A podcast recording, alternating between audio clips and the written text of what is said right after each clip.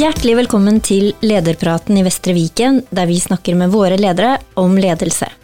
Mitt navn er Therese Andersen, og dagens gjest er Jørn Einar Rasmussen.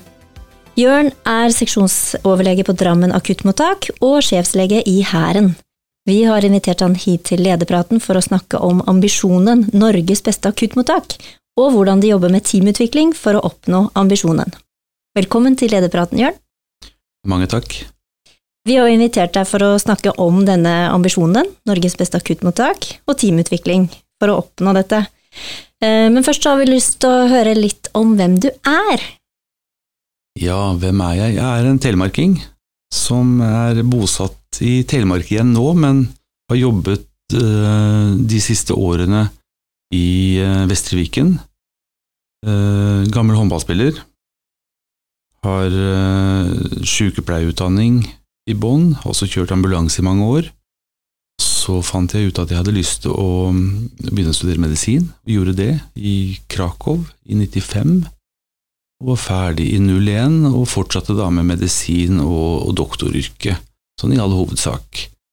Og så hadde jeg egentlig tenkt å bli, eh, bli anestesilege i sin tid, men eh, det er ofte sånn at eh, litt tilfeldigheter gjør at du havner andre steder.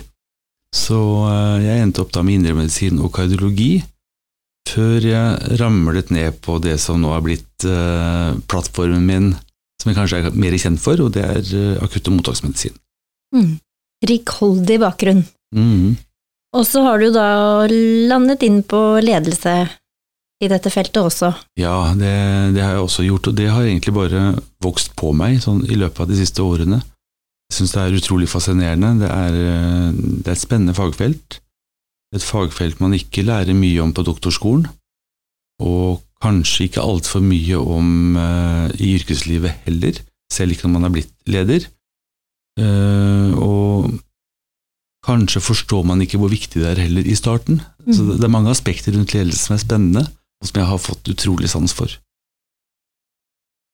Kan du si noe om hvordan introduksjonen din til ledelse var? Det var vel eh, Det var vel at jeg søkte på jobb som seksjonsoverlege i akuttmottaket på Drammen sykehus, den gangen jeg jobbet i, Bærum som kardiolog, og kom under vingene til Lukas Monsson, som da var eh, avdelingssjef for avdelingen for ortopedi og akuttmottak. Han introduserte meg til en ledelsesfilosofi som jeg, som, jeg, liker godt, og det er intensjonsbasert ledelse. Det var litt forvirrende i starten, fordi at han, øh, han fortalte meg ikke hvordan jeg skulle gjøre ting, men øh, han ga meg oppdrag, oppdrag jeg skulle løse, men så sa han ikke hvordan jeg skulle gjøre det, han sa egentlig bare hva jeg skulle, og, og kanskje litt om hvorfor. Det var jo en, en, rar ting, tenkte jeg. Jeg brukte litt tid på å forstå Lukas. Og jeg skjønte vel egentlig ikke hva dette her var i starten, skal jeg være helt ærlig, men, eh, men etter hvert som jeg også har begynt å jobbe i Forsvaret, så, så har det jo utkrystallisert seg litt mer hva dette her er, og, og, hvordan man kan bruke det på en god måte. Mm. Og hva tenker du da, hvordan kan du bruke det på en god måte? Hvis man eh, hvis man klarer å ha intensjonsbasert ledelse som, eh, som et verktøy, eh, hvor man, eh, hvor man, gir oppdrag, men ikke mikrostyrer og forteller for mye hvordan du skal løse det oppdraget jeg har gitt, kanskje heller gi deg gode rammer, gi deg tillit, muligheten for å feile, hvor jeg heller da justerer deg inn på riktig, riktig vei igjen, hvis, hvis så, så tror jeg du yter utnytter mye mer av kapasiteten i folk enn hvis du er litt for ivrig til å fortelle hvordan du vil ha det. Mm. Men det er nok lett å tenke at uh, som leder skal du fortelle både hva du skal gjøre og hvordan du skal gjøre det, fordi at man ofte blir målstyrt, altså vi, vi blir styrt på, på enkelte mål. Og, og, da blir fokuset ofte også på hvordan, for at vi har litt empiri og, og tanker om hvordan vi best kan gjøre ting. Det skal vi kanskje være forsiktige med, hvis du skal ha progresjon og, eh, og eh, ansatte som, som, har eh, lyst og evne til å vokse den rollen. Mm. Og da høres det ut som at det var den intensjonsbaserte ledelsesbiten som du også ble utsatt for, kanskje, da, av Lukas, og som sådde noen eh, frø i ditt lederskap. Mm. Mm. Han ba meg å lese noen artikler om oppdragstaktikk, altså oppdragstaktikk og intensjonsbasert ledelse. Skjønte fremdeles ikke så mye av det. Altså, jeg forsto hva jeg leste, men jeg forsto ikke hva skal jeg si, eh, verktøyets eh, muligheter Mm. i, i starten. Og, og kanskje gjør jeg det ikke helt fullstendig ennå, men eh, jeg forstår mye mer enn enn i starten. Og jeg tror det er riktig verktøy til hverdagsledelsen, eh, sammen med andre, andre verktøy. Det er veldig sjelden du kan ha én ett verktøy som duger til alle slags situasjoner. Mm. Det, det går ikke, så av og til så må man faktisk også gi ordre og, og si at uh, 'jeg vil, du skal'. Uh, men, men det er ikke noen filosofi som, som står seg over tid. Det, det skal du ikke bruke for mye. Så vet jeg jo også at du er opptatt av team, Mm. og utvikling av team, Mm. Og at det er viktig i ditt lederskap. Hva vil du si om dette med teamutvikling og teamledelse?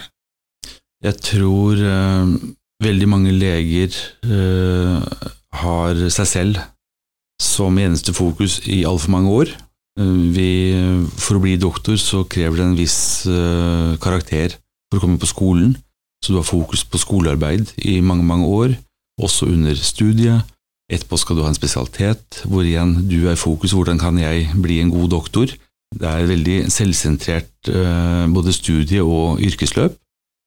Eh, og eh, jeg var på en overlegeledersamling i går, hvor en flink doktor fra Villasana fortalte litt om hva, hva legeledere og, og leger ofte setter pris på og, og gjør at de trives, og det er dette her med autonomi, altså muligheten til å styre hverdagen, og det å bli sett, og det å, um, å føle seg verdsatt. Og det er vel og bra, men eh, det gjør deg kanskje lite robust til motstand og friksjon.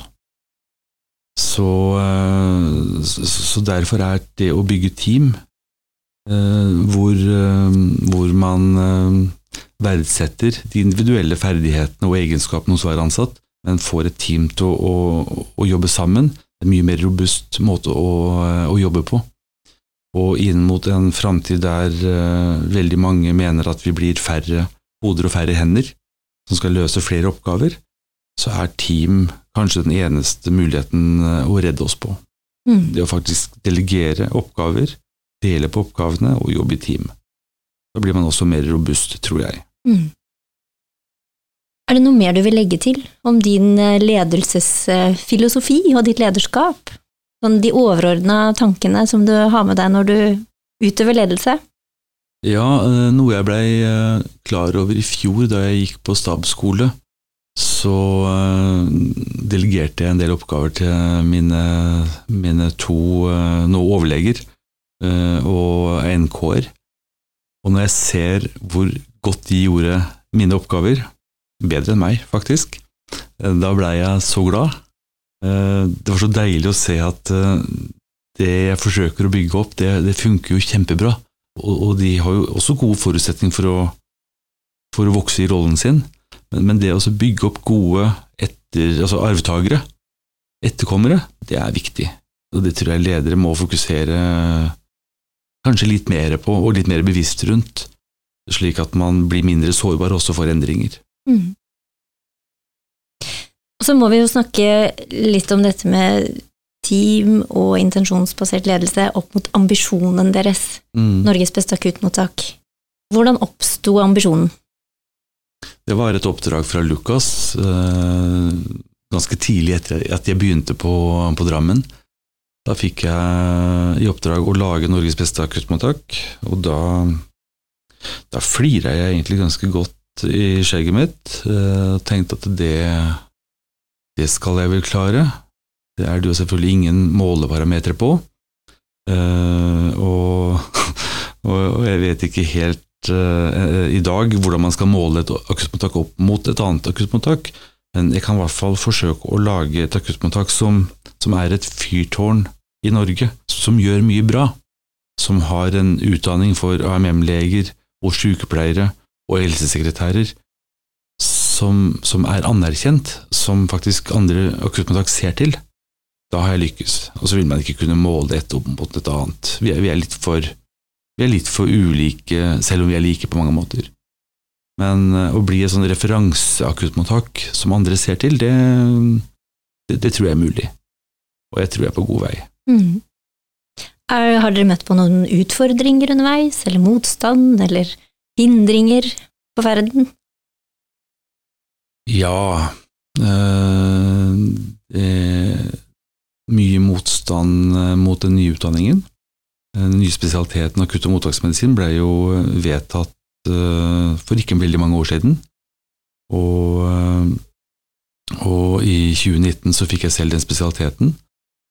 Det er en spesialitet som ikke engang av Legeforeningen initialt var ønsket. De så ikke det behovet dette her er noe vi ikke trenger, var liksom eh, gjengangeren fra, selv fra egen forening. Og, og, fremdeles er det jo en eller annen som tenker at uh, disse her trenger vi ikke. Disse som skal jobbe da i alle sine arbeidsår i akuttmottaket 24, 7, 365, disse trenger vi ikke. Og, det syns jeg er litt, uh, det er litt arrogant, for å si det pent, men det er også litt, du er litt lite nysgjerrig. Eh, når du tenker at det ikke er lurt. Så, eh, så, det har jo vært frustrerende på noen måter, men så vet jeg jo at resten av verden har opplevd akkurat det samme. Akkurat det samme sees i Sverige og Danmark, som er våre naboland, og, de som begynte rett før oss. Og, og, akkurat det samme har alle land opplevd, så det er, det er litt trøst i det, i hvert fall. Mm.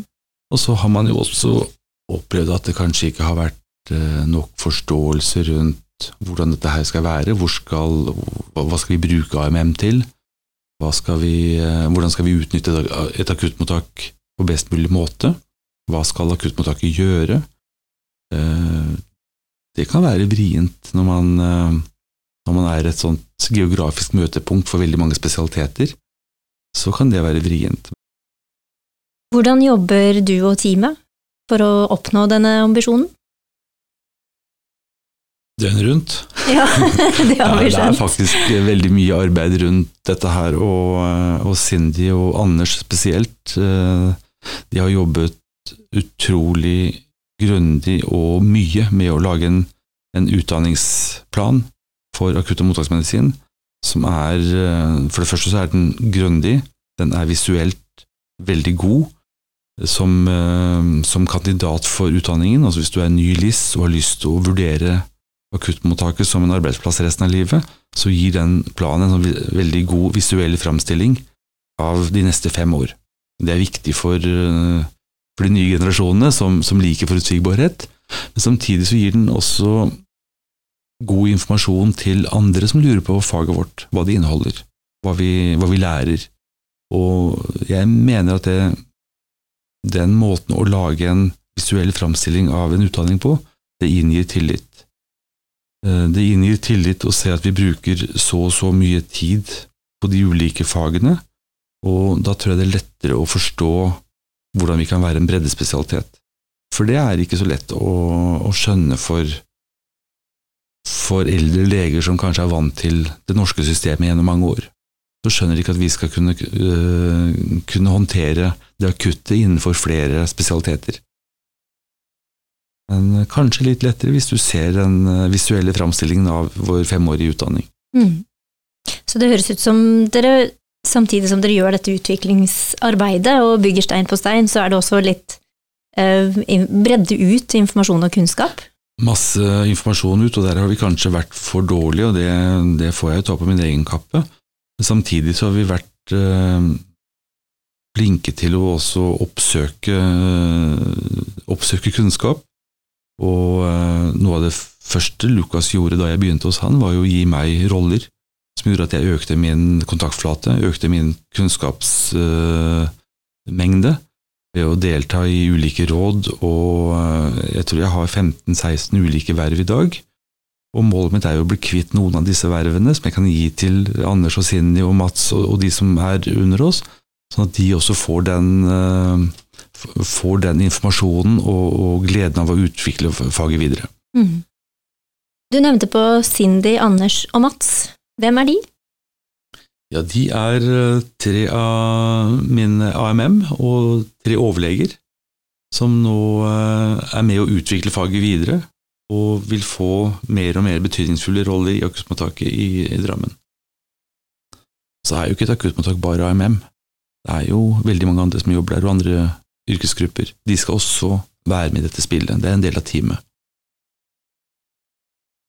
Kan du si litt mer om teamarbeidet deres? Mm. Vi, eh, helt konkret så jobber vi jo i team på de mest kritisk syke pasientene. Sånn som traumeteam og medisinsk team, barneteam, trombolyseteam, som er da for de som har, de som har hjerneslag eller mistanke om hjerneslag. Så lagde vi Silver Team, hvis du kanskje husker det, mm. for eh, to-tre år siden. Det har jo egentlig blitt ganske populært. Der vi fanger opp, eh, der vi fanger opp disse eldre som faller fra egen høyde med banale skademekanismer, men som har ganske alvorlige skader. De fanger vi opp med å lage et team rundt de. Og det gjør at man da jobber systematisk i et bitte lite team, men systematisk, og gjør riktig arbeid raskere. Og man, eh, man eh, tilbyr da helsehjelp som er tilpasset og, og, og, raskere for pasienten, som ofte lå ganske mange timer utilsett, eller i hvert fall ikke nok ivaretatt i gamle dager. Så Det er jo egentlig en konkret måte å jobbe i team på så eh, har eh, vi tenkt å jobbe i team til vanlig, der vi eh, kanskje jobber i et team for enkle pasientforløp. Det er et arbeidsteam. Så har vi et team som tar de helt akutte, altså disse sløyfemedisinen vår. Også et team som jobber på poliklinikken, og et team som jobber med vanlig akutt og mer komplekse komplekse eh, problemstillinger.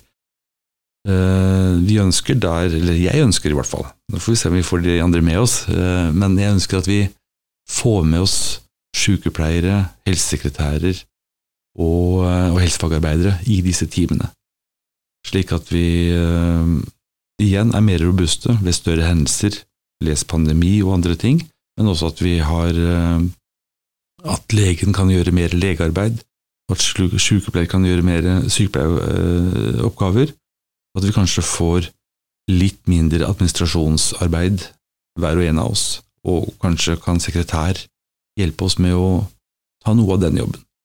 Så får vi mer, mer tilpassa pasientoppmerksomhet og pasientbehandling enn det vi har i dag. For nå har vi veldig mange oppgaver, både sykepleiere og, og leger.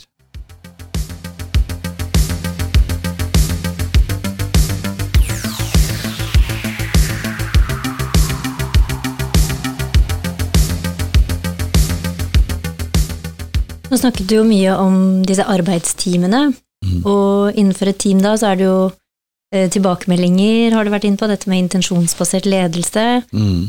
Hvordan, kan du si litt konkret, hvordan jobber dere med dette, praktiserer det, utvikler det?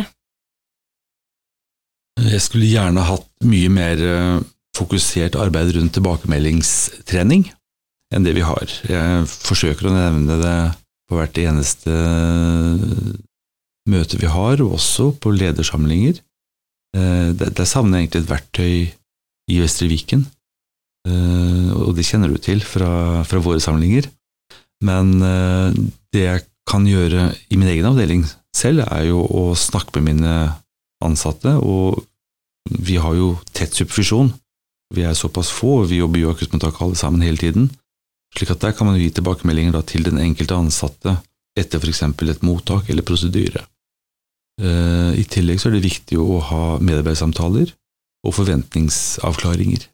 Der vi faktisk snakker om hva vi forventer av hverandre, altså hva du forventer av meg som leder, men aller viktigst hva jeg forventer av deg som, som ansatt, og, og, og, det kan jo eksempel være at du, at du spiller både dine kolleger god, men også meg som leder god, som igjen vil gagne deg. For at hvis vi spiller hverandre gode, så vil vi alle sammen som et lag fungere mye bedre. Og intensjonen med en tilbakemelding er jo å, å, gjøre deg bedre.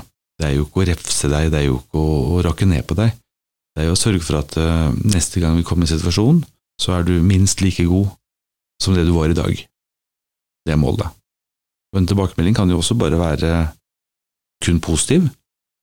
Det er fint å ha litt plusspoeng i bagasjen, men uh, hvis man trenger å gjøre en, en siktejustering, så er det veldig fint å ha, ha, en erfaring med at du også får, får noen gode tilbakemeldinger. Så, uh, så intensjonen må være at du ønsker å gjøre din medarbeider bedre. Hvis ikke så skal du ikke gi noen tilbakemelding. Hvis, hvis du har en intensjon med å gjøre den verre, eller usikker, Det er også fryktbasert ledelse, da, da skal du la være å gi tilbakemeldinger.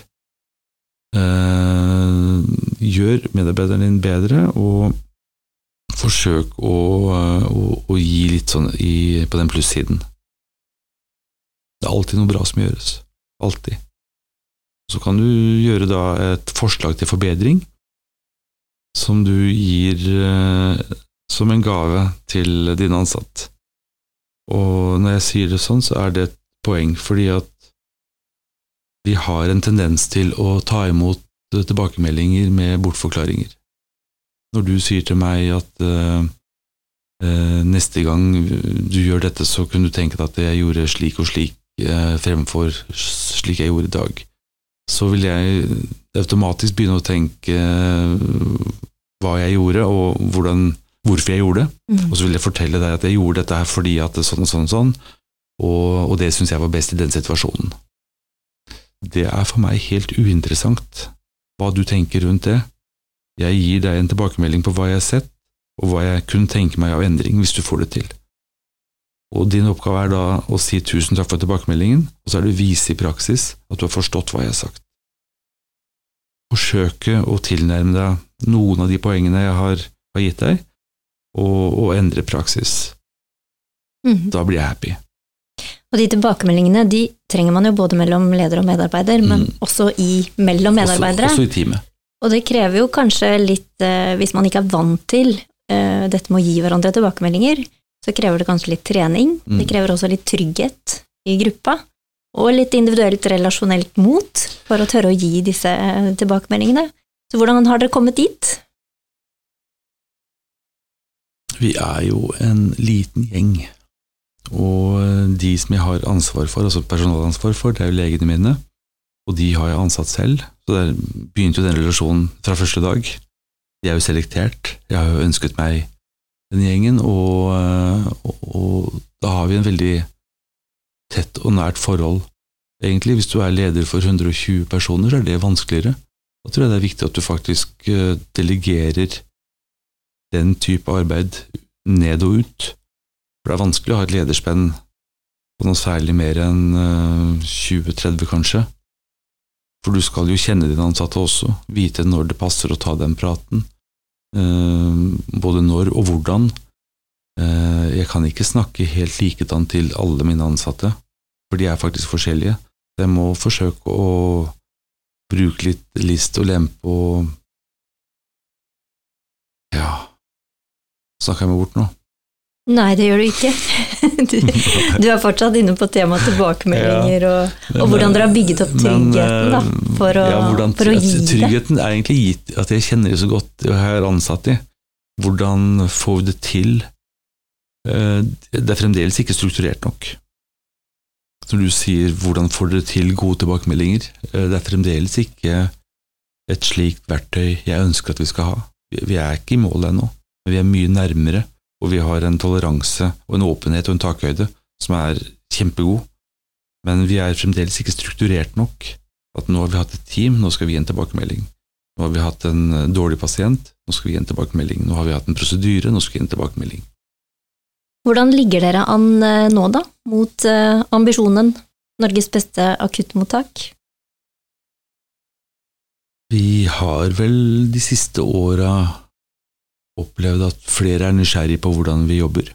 Vi har hatt besøk fra, fra både nord og, og, vest og sør. Uh, vi fronter også akuttmottaket og, og akutt- og mottaksmedisin veldig bredt. Eh, jeg får høre av mine ansatte når de har vært på kurs, at eh, Oi, du jobber på Drammen, ja. ja. Der eh, gjør de sånn og sånn, der er de flinke, der er de fremme i skoen. Jeg får høre det også av andre kolleger, senest av en kirurg i dag eh, på trening. Og, og når jeg får tilbakemelding på at vi både synes og, og gjør oss bemerka, så er det en tilbakemelding som gjør meg både glad, men også som sier noe at vi faktisk, eh, om ikke er i mål, så er vi i hvert fall i god rute. Så jeg, jeg vet jo selv at vi ikke er i mål, det vet jeg, for jeg har høyere ambisjoner enn det, enn det jeg har å vise til nå, men eh, med en egen avdeling hvor vi kan også forske mer, vise til resultater på det vi gjør, så tror jeg vi er i mål i løpet av en uh, to års tid. Og da er vi snart inne i nytt sykehus, så kanskje vi skal legge på et år, for at, uh, vi må forvente litt friksjon inn i nytt sykehus. Så hvis vi sier da i 2026-2027, så er vi klart Norges beste.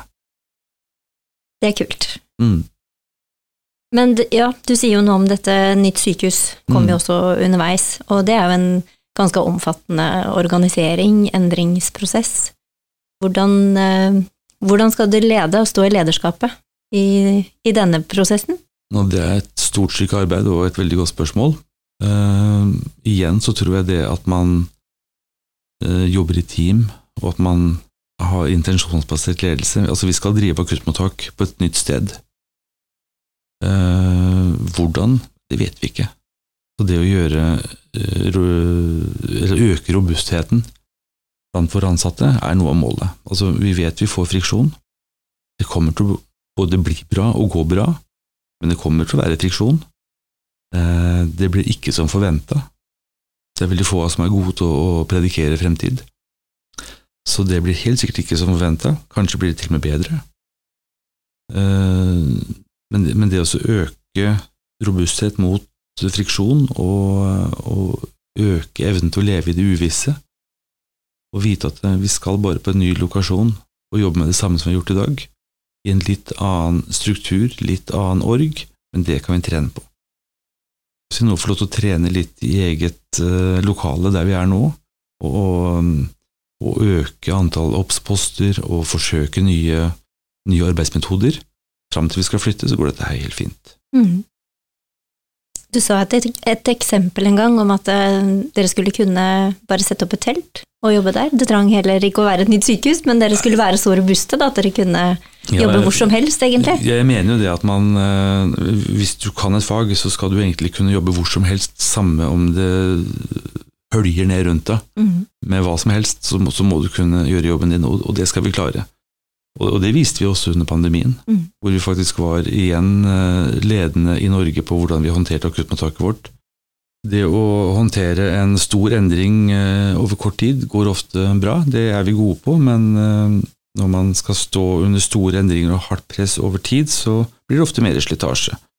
Og, og, og det må vi faktisk forberede oss på, at det kan være litt, litt tøft å, å flytte til nytt sykehus, men resultatet på sikt vil være godt.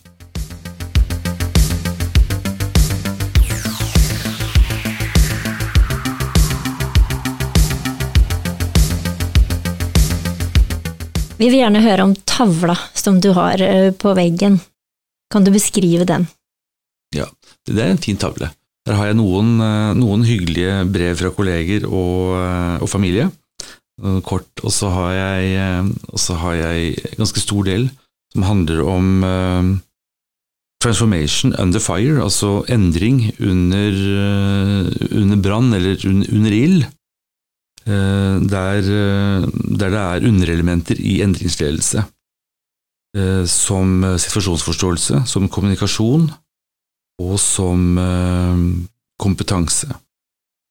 De tre tingene, som komp altså kompetanse, kommunikasjon og situasjonsforståelse, er veldig viktig når du skal gjøre store endringer og det stormer litt. Og kompetanse synes jeg vel kanskje er underkommunisert i ledelsesfaget. Vi snakker veldig om, eh, om eh, kunnskap og ferdigheter eh, som en del av kompetansebegrepet, men kanskje aller viktigst er holdninger. Hvilke holdninger har du til faget ditt? Til å ville trene, til å ville holde ferdighetene dine ved like. Så, så kompetansebiten i dette her er utrolig viktig. Men de tre sammen gjør at du vil være mer robust igjen og klare større endringer også når det stormer. I tillegg så er det en, en liten eh, snutt om plan- og beslutningsprosess, der det handler om oppdrag og hva vi gjør med oppdrag. Og eh, til forskjell fra hvordan vi ofte tenker på sykehus, jeg får et oppdrag eller en ordre fra sjefen min, eller en beskjed som vi ofte sier her, så tenker jeg ok, hvordan skal jeg løse dette her? Og så glemmer vi røntgen, så glemmer vi laben, så glemmer alltid noen. Jeg tenker hvordan skal jeg løse det? Og så forsøker jeg da å løse den oppgaven som sjefen har gitt meg, og så er det ikke helt det sjefen hadde tenkt, fordi at vi jobber usystematisk. Mens Forsvarets plan- og beslutningsprosess den er litt annerledes. Ikke veldig komplisert, egentlig, men der er sjefens oppdrag gitt til eh, en gruppe, og da er det viktig at vi vet hvem som skal være med, som, som må være med for å løse oppdraget. Eh, hvorfor skal vi løse oppdraget? Hva er det vi skal løse, og når skal vi levere? Og når den gruppen har omformulert det oppdraget og levert det tilbake igjen til sjefen, slik har vi forstått oppgaven, er det riktig, sjef? Eh, og vi får tommel opp, da kan vi krype tilbake og begynne på dette her med hvordan. Kan vi lage handlingsmåter, handlingsmodeller, og prøve å finne den beste, hvor vi ser på eventualiteter og komplekse ting som kan påvirke våre handlemåter, som vi må være åpne på, og vi må gjøre en ROS-analyse for å se hva som må mitigeres av risiko. Når handlemåten da er valgt, så kan vi eh, presentere for sjefen dette er vår anbefalte handlemåte, og, og sjefen sier tommel opp eller tommel ned, så iverksetter vi. Da har vi da testet dette her, altså vi har prøvd det, dette her fungerer. Det er eh, kanskje sånn på helt overordna nivå i helsevesenet noe jeg savner. At vi er litt mer skikkelige når vi gjør større plan- og beslutningsprosesser. At alle er med, at alle er enige om hva vi egentlig skal gjøre, og at vi har forstått oppdraget vårt. Og at sjefen er enig i at vi, vi har iverksatt på riktig grunnlag, så ikke vi havner helt feil ut og har brukt altfor mange millioner mm, til noe som er ikke så bra som det burde vært, og så er det egentlig irreversibelt. Og så er det en siste, siste bit på den tavla mi som er litt morsom. Det er en artikkel som sto i et, i et forsvarstidsskrift som handler om latskap. Den uh, militære uh, lederskapets glemte dimensjon. Den er morsom, utrolig morsom artikkel for øvrig, og den sier noe om at micromanagement er ikke så lurt. Det skaper ikke tillit, og det, det er ineffektivt. Så det å trekke seg litt tilbake som strategisk leder, så kan du, kan du godt strekke deg litt tilbake og stole på at folka dine effektuerer. Og gjerne uh, gi dem litt grann, uh, endring i kurs hvis du ser at de drar litt for mye til høyre, litt for mye til venstre, men du skal ikke fortelle dem hvordan. Det er de tre tingene jeg har på tavla som, som jeg ser på stadig vekk. Vi nærmer oss eh, slutten på episoden, Jørn. Avslutningsvis, hva tenker du er dine beste råd om ledelse til andre ledere?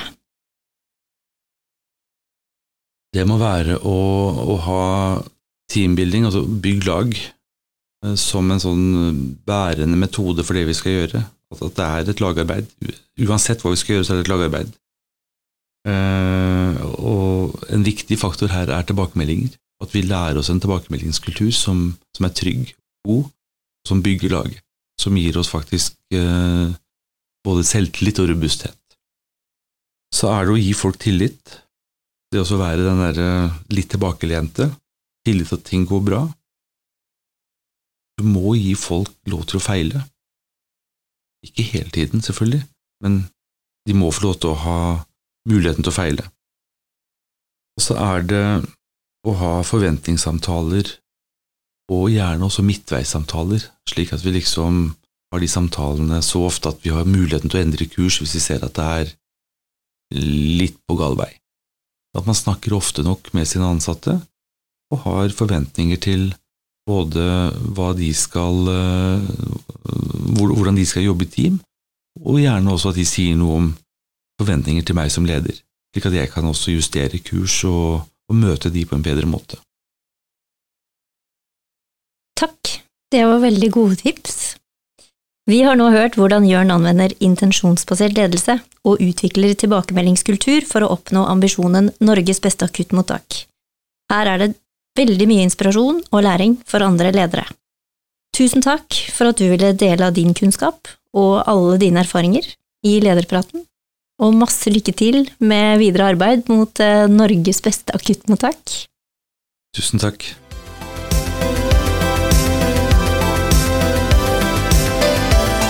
Lederpraten kommer ut én gang i måneden. Om du har forslag til spennende ledere som vi bør snakke med, så kan du sende oss et tips på e-post lederpraten at vestreviken.no.